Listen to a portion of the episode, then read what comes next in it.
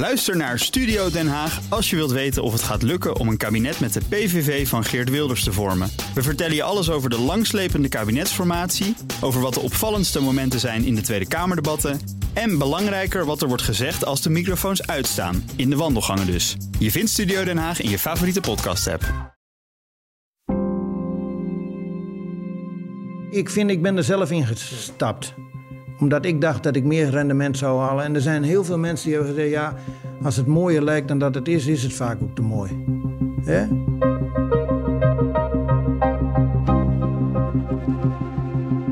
zou eigenlijk al voor normaal denkend mensen al een belletje moeten gerinkelen. Dus dan weet je dat je in iets stapt waarvan, ja, dit kan wel eens niet helemaal niet goed gaan. Dit is het tweede seizoen van Achter gesloten deuren.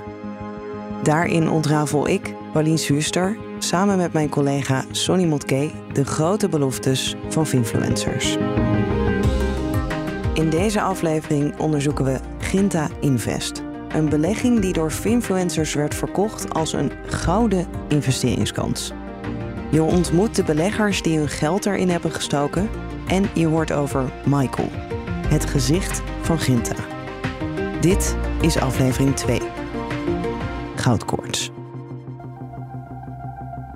Ja, en dan is het eigenlijk vraag niet hoe het kan, maar profiteren van. Dat is een beetje het, het gevoel wat je ervan kreeg. Mensen dachten van ja, baat het niet, schaadt het niet. Ik, ik stap hierin met mijn geld. En zolang het goed gaat, dan, dan zal het wel. Dit is dus Sonny. Samen onderzochten we de afgelopen tijd Ginta. Het bedrijf deed naar eigen zeggen aan forex arbitragehandel en hadden daar een eigen algoritme voor ontwikkeld. Nu kan ik me voorstellen dat je denkt: waar gaat dit over? Het klinkt ingewikkelder dan het is. Forex is de handel in valuta. En wat Ginta zei te doen, is profiteren van de koersverschillen van valutaparen. Bij de ene handelsbank is de koers van bijvoorbeeld de euro-dollar dan net iets lager of net iets hoger dan bij de ander. Dat kleine verschil spot het algoritme en handelt dan automatisch. Volgens Ginta levert die handel in 98% van de gevallen winst op. was een heel fijn rendement dat het voorgespiegeld. Uh, tussen de 4 uh, en soms zelfs 5% per maand. Ja, dat is. Kom dan nog maar eens om. Je hoort het al van Sonny. 4 tot 5% rendement per maand is hoog. Heel hoog. Bij veel andere soorten beleggingen kom je daar lang niet aan. Maar bij Forex zijn dit soort rendementen niet onvoorstelbaar. Maar het is geen product voor de beginnende belegger. De toezichthouder AFM noemt Forex zeer risicovol. Als je instapte bij Ginta, dan kreeg je toegang tot hun algoritme. Er werd een bot gekoppeld aan een account waarmee je handelt, en dan werden dus automatisch voor jou die koersverschillen opgespoord. En dan was het wachten op je winst. Honderden Nederlandse beleggers stapten in bij Ginta. Een van hen woont in een klein dorpje in Overijssel.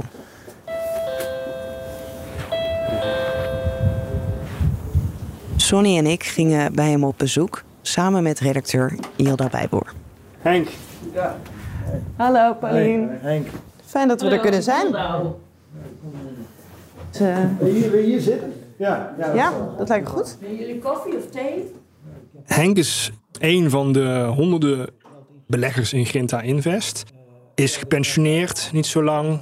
Heeft uh, wat spaargeld. Ja, weet je, bij de banken uh, levert het geld uh, eigenlijk niks meer op. Als je een beetje geld had, en, en, niet dat ik daarvoor in aanmerking kwam, maar als je een beetje geld had, dan moest je al geld betalen om je, bank, geld op je bank te storten.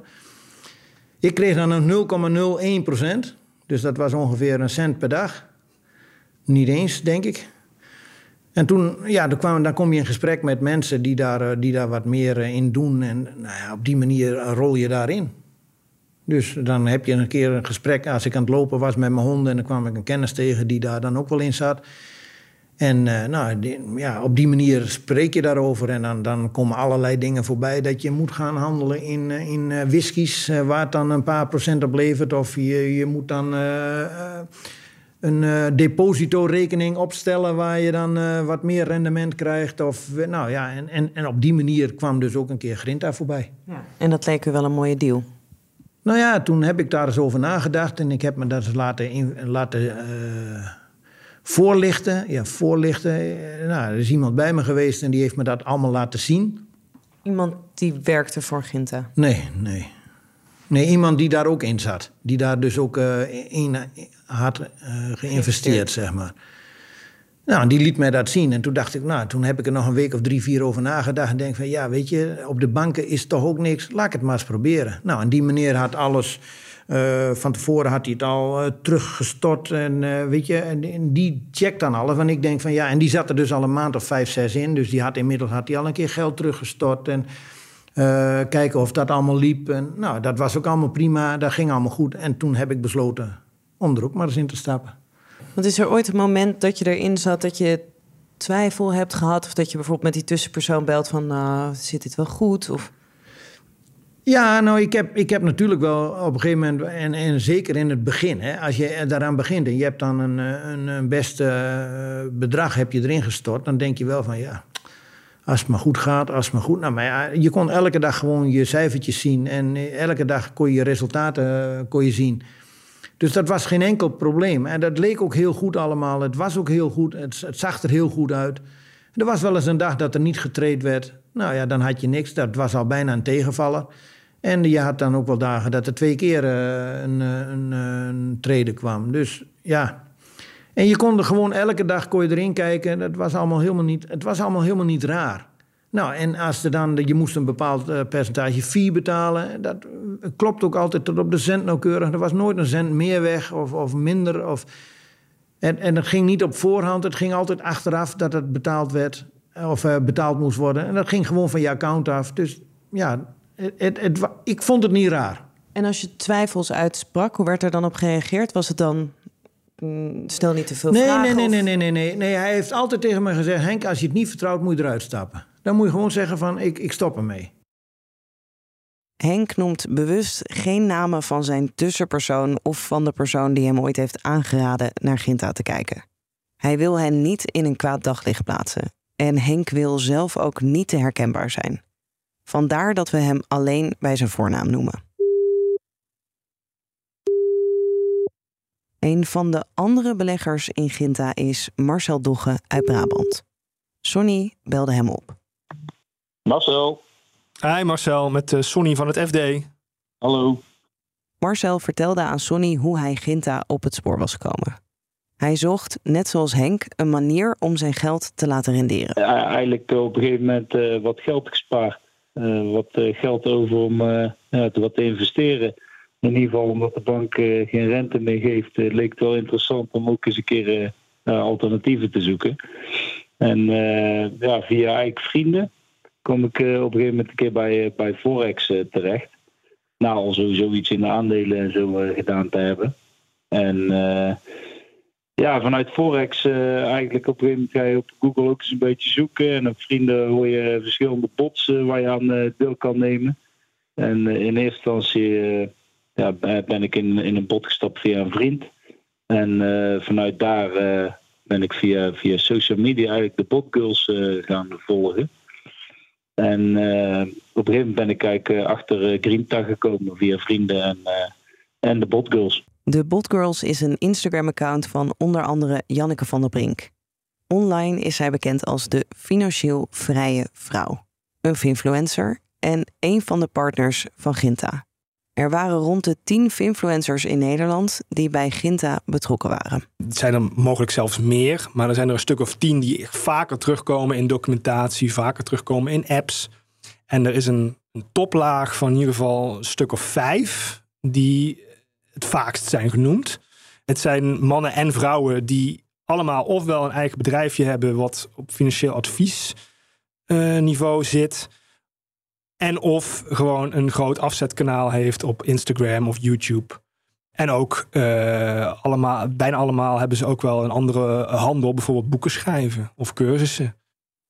En die partners die kregen een vergoeding voor elke belegger die ze aanbrachten en over het extra geld dat die belegger later inlegde. Ze kregen ook een vergoeding als de belegger die zij hadden ingebracht weer iemand anders inbracht. Hoe meer mensen er dus via hen binnenkwamen, hoe meer geld ze verdienden. Deze influencers promoten Ginta op verschillende manieren. Via hun social media kanalen of bijvoorbeeld via een website. Wil je ook 4% rendement per maand met een bewezen risico van minder dan een half procent? Dat kan met Forex arbitrage trading. Dankzij geavanceerde software kan gebruik worden gemaakt van zeer kortdurende koersverschillen in de markt. Dat werkt als volgt. De software houdt via een directe verbinding met de banken doorlopend... Instappen zonder zo'n tussenpersoon was niet de bedoeling. Je moest aangedragen worden door een partner om een rekening te kunnen openen. Marcel die was Ginta dus tegengekomen op social media en hij had er van vrienden over gehoord. Hij besloot toen direct contact te zoeken met het bedrijf en mailde Michael, het gezicht van Ginta in Nederland. Ja, waarom kom je direct uh, naar mij toe? Uh, want eh, de kortingen via een uh, tussenpersoon of een affiliate, zoals hij het noemde, ehm, zijn veel beter. als je direct bij mij wil instappen, dan moet je met veel hogere bedragen instappen. En um, ja, eigenlijk werd het bijna onmogelijk gemaakt, want je moest met een ton minimaal instappen en je kreeg minder kortingen of uh, minder rendement aan het begin. Dus er waren een soort bonussen verbonden aan de affiliate als je via die affiliate zou deelnemen. Jij kon goedkoper, uh, minder kosten hoefde jij af te dragen. Ja, juist, ja, dat soort dingen. Als je als belegger contact zocht met Ginta, dan kwam je dus terecht bij Michael. Wat precies zijn rol is, dat blijft onduidelijk. De verhalen daarover verschillen. Maar Michael lijkt de touwtjes in handen te hebben bij Ginta. In ieder geval in Nederland. Lijkt het onderzoek van ook recherchebureaus iemand uit Israël te zijn. Die is ook fysiek in Nederland geweest. En heeft zich ook echt geïntroduceerd als ik ben Michael van Ginta Invest. Sommigen wijzen hem aan als, nou ja, hij zal wel de eigenaar zijn of de leider van het geheel. Maar dat is niet met 100% zekerheid te zeggen. Kan je uitleggen waarom je niet herkenbaar uh, wil zijn? Uh, jawel, dat ik uh, onprettig vind dat ik in relatie zou worden gebracht met een activiteit waarvan ja, die toch een beetje dubieuze kanten zou kunnen hebben. En heeft ook wellicht. En dat ik dat gewoon niet een uh, prettig gevoel vind dat ik daarmee geassocieerd zou worden. En wat kan je wel vertellen over nou ja, je achtergrond of dat mensen een beetje kunnen plaatsen wie ze horen praten? Ik ben een ondernemer. En ik heb eigenlijk naast mijn ondernemerschap, mijn uh, werk, altijd als hobby wel gehad uh, het beleggen. Al van, vanaf mijn jongere jaren, zeg maar. Dus dat ging heel breed. Van aandelen tot opties tot andere, andere instrumenten. Ook dus valuta, handel en ook nou, een beetje crypto, een beetje van alles. Wat ik vond eigenlijk leuk om alles waar, je, ja, waar, je, waar handel in gedreven kan worden, om daar te kijken of je daar iets, iets mee kunt. En hoe kwam Ginta op je pad? Dat is via een tussenpersoon gekomen. Die had een, uh, een website waarop hij dus een aantal producten noemde ja, waar je gebruik van zou kunnen maken. En daar ontving hij dan een, uh, een provisie over. Dit is Jan Willem. Tenminste, dat is hoe we hem noemen in deze podcast. We zouden je liever zijn echte stem laten horen en zijn eigen naam gebruiken. Dat kan dus niet. Maar we wilden wel dat je zijn verhaal hoort. Want de meeste beleggers in Ginta hebben Michael alleen online gesproken. Maar Jan Willem heeft hem twee keer ontmoet in een chic hotel in de Amsterdamse binnenstad. Op een regenachtige winterdag hadden ze hun eerste afspraak. Nou, hij zat dan in de uh, lobby van het hotel met zijn laptopje klaar. Er zat een, uh, een cliënt of een mogelijk cliënt voor me. Die, die nam een afscheid en dan, dan kon ik uh, plaatsnemen in de, in de lobby. En dan liet hij me dingen zien en dan kon ik vragen stellen. En wat voor dingen liet hij dan zien? Nou, hij liet dus zien uh, van op zijn scherm volgens mij 18 subschermpjes. Waarop je dus die koersbewegingen kon zien. Dus hij insinueerde daarmee dat hij kon monitoren uh, dat er dus hoe het systeem werkt. Nu ben je dus twee keer heb je deze man ontmoet, twee keer in Amsterdam. Ja. Uh, was er een verschil de tweede keer? Veranderde dat? Ja. Dat is eigenlijk in het hele patroon dat is dat hij arroganter werd. En daar is hij in mijn geval wel in doorgeslagen. Toen heb ik argwaan gekregen. Toen heb ik op een gegeven moment wat, wat, wat, wat het lastig, wat ik niet goed, of niet goed, wat, wat me opviel, dat hij uh, gaandeweg de, de regels aanpaste. Die regels waar Jan Willem het over heeft, gaan over hoeveel geld je in Ginta moest laten staan en wat voor rendement je daar dan over zou krijgen. De afspraken die Jan Willem had gemaakt met Michael, die veranderde hij dus opeens. Jan Willem was daar niet blij mee, maar het was lastig om daar wat van te zeggen. Want je kon niet zomaar je geld uit Ginta halen. Daarvoor had je Michael nodig. Hij moest dat goedkeuren. En het was dus ingewikkeld om goed met Michael om te gaan. Het is een hele, uh, hoe zou ik zeggen, een hele fragiele relatie die je met zo iemand hebt. Omdat je, je wil ook er wel geld uit krijgen op een gegeven moment. Dus je wil je wel je geld zeker stellen. En als je dat deed hij wel. Uh, en daar waren ook op, op internet van die fora, daar kan je dus op lezen van, uh, nou, dit is een scam of dat is een, dat is een, dit moet je nooit doen en dit en dit en zus en zo. Uh, als je, hij was wel zo'n type, als je te bot tegen hem deed, dan kon hij emotionele beslissingen, onzakelijke emotionele beslissingen doen, die ik als, als ik er heel zakelijk alleen in zou zitten, nooit zou hebben gedaan. Dus hij kon gewoon op emotionele gronden zeggen van... Nou, ik vind jou bij wijze van spreken, je bent, eh, je, bent, je bent beledigd... dus je mag geen zaken meer met me doen. En dat is, zakelijk is dat heel raar eigenlijk. Want dan moet het je niet uitmaken of iemand je beledigt. Want je wil eigenlijk, het enige wat je wil is je geld hebben. En emotionele modus betekent dan scheldpartijen of wat nou, moet je aan denken? maar dat je dus inderdaad gewoon je geld niet meer terug kunt krijgen dan word je eigenlijk de facto gegijzeld. Ja, ja maar dat is natuurlijk impliciet is, eh, is dit hele spelletje een soort psychologische gijzeling, wat natuurlijk wordt gedaan. Maar dat is bij een bank niet anders. Nou ja, bij een bank zou je dan toch nog uh, naar voorwaarden kunnen sturen van ik wil gewoon mijn geld. En dan wordt er niet opeens een percentage gehalveerd. Is is het, ja, dat ben ik met je eens. Maar het is, het, is beter, uh, het is in het rechtssysteem inge, ingebed. Maar uh, er wordt natuurlijk ook gestimuleerd. en er worden ook mooie reclamefolders gemaakt. En, als u, en dat blijkt ook achteraf, ja, sorry, het was een folder. Maar het is allemaal, is niet zo gebeurd. sorry, ja. Jan Willem heeft wel meer risicovolle beleggingen en is naar eigen zeggen ook vaker opgelicht. Hij was zich er dus van bewust dat dit geen gewone investering was. Hij heeft uitgebreid onderzoek gedaan naar bedrijf en Forex voordat hij erin stapte.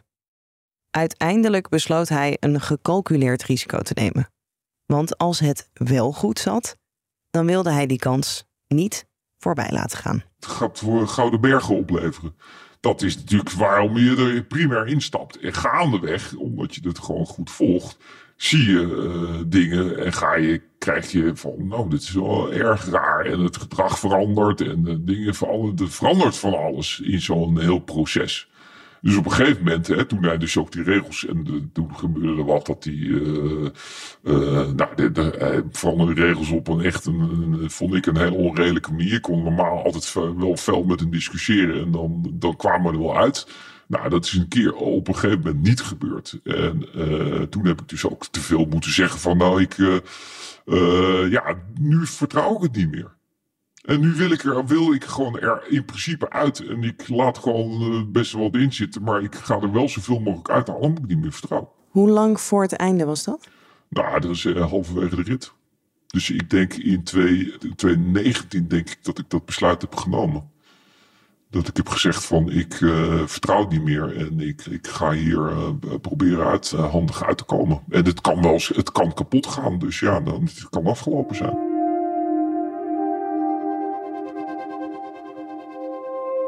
We gaan terug naar Overijssel, naar oud-politieman Henk. Waar Jan Willem vanaf het begin al rekening hield met het scenario dat hij zijn geld nooit terug zou zien, deed Henk dat niet. Hij had blind vertrouwen in Ginta. In de twee jaar dat hij erin zat, heeft hij nooit geprobeerd om geld uit te laten betalen. Was wel de bedoeling, maar uh, ja, ik, uh, ik had even wat andere dingen die. Uh, dat ging even niet door. En, want als dat wel doorgegaan was, dan had ik het, dan had ik het eraf gehaald. Wat voor andere dingen? Nou, ik wilde een andere auto kopen. En toen dacht ik van, nou, dan haal ik dat geld eraf. En ik kwam bij die garage en zei, ja, moet je nog even drie maanden wachten, Henk. want dan, dan heb ik hem beschikbaar. Dus daarom heb ik mijn geld er niet afgehaald. En als hij gezegd had in, in die tijd van... Nou, dat kan per 1 oktober is die beschikbaar. Ja, dan had ik mijn geld voor die tijd eraf gehaald. Maar niet omdat ik het niet vertrouwde, maar gewoon omdat ik dan graag die andere auto wilde hebben. We weten niet of het Henk ook zou zijn gelukt om zijn geld eruit te halen als hij dat wel had geprobeerd. Want zoals je net al van Jan Willem hoorde, communicatie met Michael was ingewikkeld. En hij kon vooral erg moeilijk doen als je om geld vroeg. Maar op dit moment rook Henk nog geen onraad. Dat kwam pas toen een ander bedrijf, waar hij ook wat geld in had zitten, opeens verdween. En hij dacht: wat als Ginta opeens weg is? Dus belde hij zijn tussenpersoon. Ik zeg, waar, heb je nog met Michael gesproken? Ja, daar had hij mee gesproken. En uh, Michael zei dus ah, dat hij not amused was. En dat het ook voor zijn handel uh, niet goed was dat dit, uh, dat dit soort dingen, dat dit soort oplichterij uh, gebeurde. Slecht voor het vertrouwen. Slecht voor het vertrouwen. Ja, en dan een paar maanden later, of een anderhalf, twee maanden later, is je eigen geld ook, is ook verdwenen op dezelfde manier. Dus ja. Op donderdag 28 oktober gaat de website van Ginta ineens op zwart en kunnen beleggers niet meer bij hun rekening. Om hoeveel geld het bij elkaar gaat, weten we niet precies. Volgens een inventarisatie die een deel van de beleggers deed, zou het om miljoenen gaan. Bij Henk ging het om enkele tienduizenden euro's. En daar kon hij dus niet meer bij zonder een waarschuwing vooraf. Henk kwam er per toeval achter. Ik werd gebeld door iemand die zegt van, hoe is het met Grinta? Ik zei, ja, prima joh. Ik zei, ik heb vanmorgen nog gekeken. was prima. Nou, zei ik hoor zulke rare dingen. Dus ik keek weer smiddags en toen was het weg. Niet meer beschikbaar, niet meer bereikbaar. Wat gaat er dan om in je hoofd? En wat denk je zelf? ja, daar word je niet vrolijk van. Maar uh, ja, dan denk je in eerste instantie nog, omdat het al twee jaar uh, voor jou dan bijna twee jaar goed gaat, denk je van nou, het zal wel een storing zijn op de computer. Ja, maar dan kom je na een paar dagen wel achter dat dat dus niet zo is. En dat je niet de enige bent. Ja, dit nu is zover eigenlijk zo een beetje. Dit casino, nu is alles op zwart. Ja, dat... ja, uh, ja, nu is het zover. Want altijd al, het kan altijd al. En, uh, nu is het wel wel balen natuurlijk. Want je wil, het is, ja, je wil wel proberen natuurlijk geld eruit te, te krijgen. Hoe kwam je erachter dat het verdwenen was? Nou, dat je inlogt op de website en er niks meer gebeurt. En dat die op zwart gaat en dat je niet meer bij je rekening kan. En als je onttrekkingen wil doen, dat niet meer lukt. En dat hij zijn telefoon niet meer opneemt. En niet meer reageert op e-mails en, enzovoort. Niemand krijgt hem te pakken. Jan Willem niet, de andere beleggers niet en de tussenpersonen niet. Er start een jacht. Naar Michael en het verdwenen geld. Daar hoor je over in de volgende aflevering. Voordat ik ooit uh, weggedragen word, wil ik toch wel het gevoel hebben dat ik, uh, dat ik er alles aan gedaan heb om te kijken of het ons geld, of niet alleen ik, maar de mensen die geld verloren hebben in Nederland hun geld uh, terug kunnen krijgen. Of in ieder geval een gedeelte van hun geld terugkrijgen. Dat is mijn streven. Janneke van der Brink wilde niet meewerken aan deze podcast. Wij hebben haar per e-mail vragen toegestuurd en zij gaf aan ervoor te kiezen die niet te beantwoorden. Michael en Ginta waren niet bereikbaar voor vragen. Achter gesloten deuren is een podcast van het FD. Dit tweede seizoen is gemaakt door Yilda Bijboor, Sonny Motke en mij, Paulien Schuster. Muziek en mixage door Gijs Vriezen. Zoek Achter gesloten deuren even op in je podcast-app. Daar vind je ook ons eerste seizoen over Gerard Sandrink. En vergeet je niet te abonneren, dan krijg je automatisch de nieuwe afleveringen van dit seizoen binnen. Bij BNR ben je altijd als eerste op de hoogte van het laatste nieuws. Luister dagelijks live via internet. Bas van Werven. En heel langzaam komt de zon op rond dit tijdstip. Je krijgt inzicht in de dag die komt op BNR, het Binnenhof in Nederland en de rest van de wereld. De Ochtendspits. Voor de beste start van je werkdag. Blijf scherp en mis niets.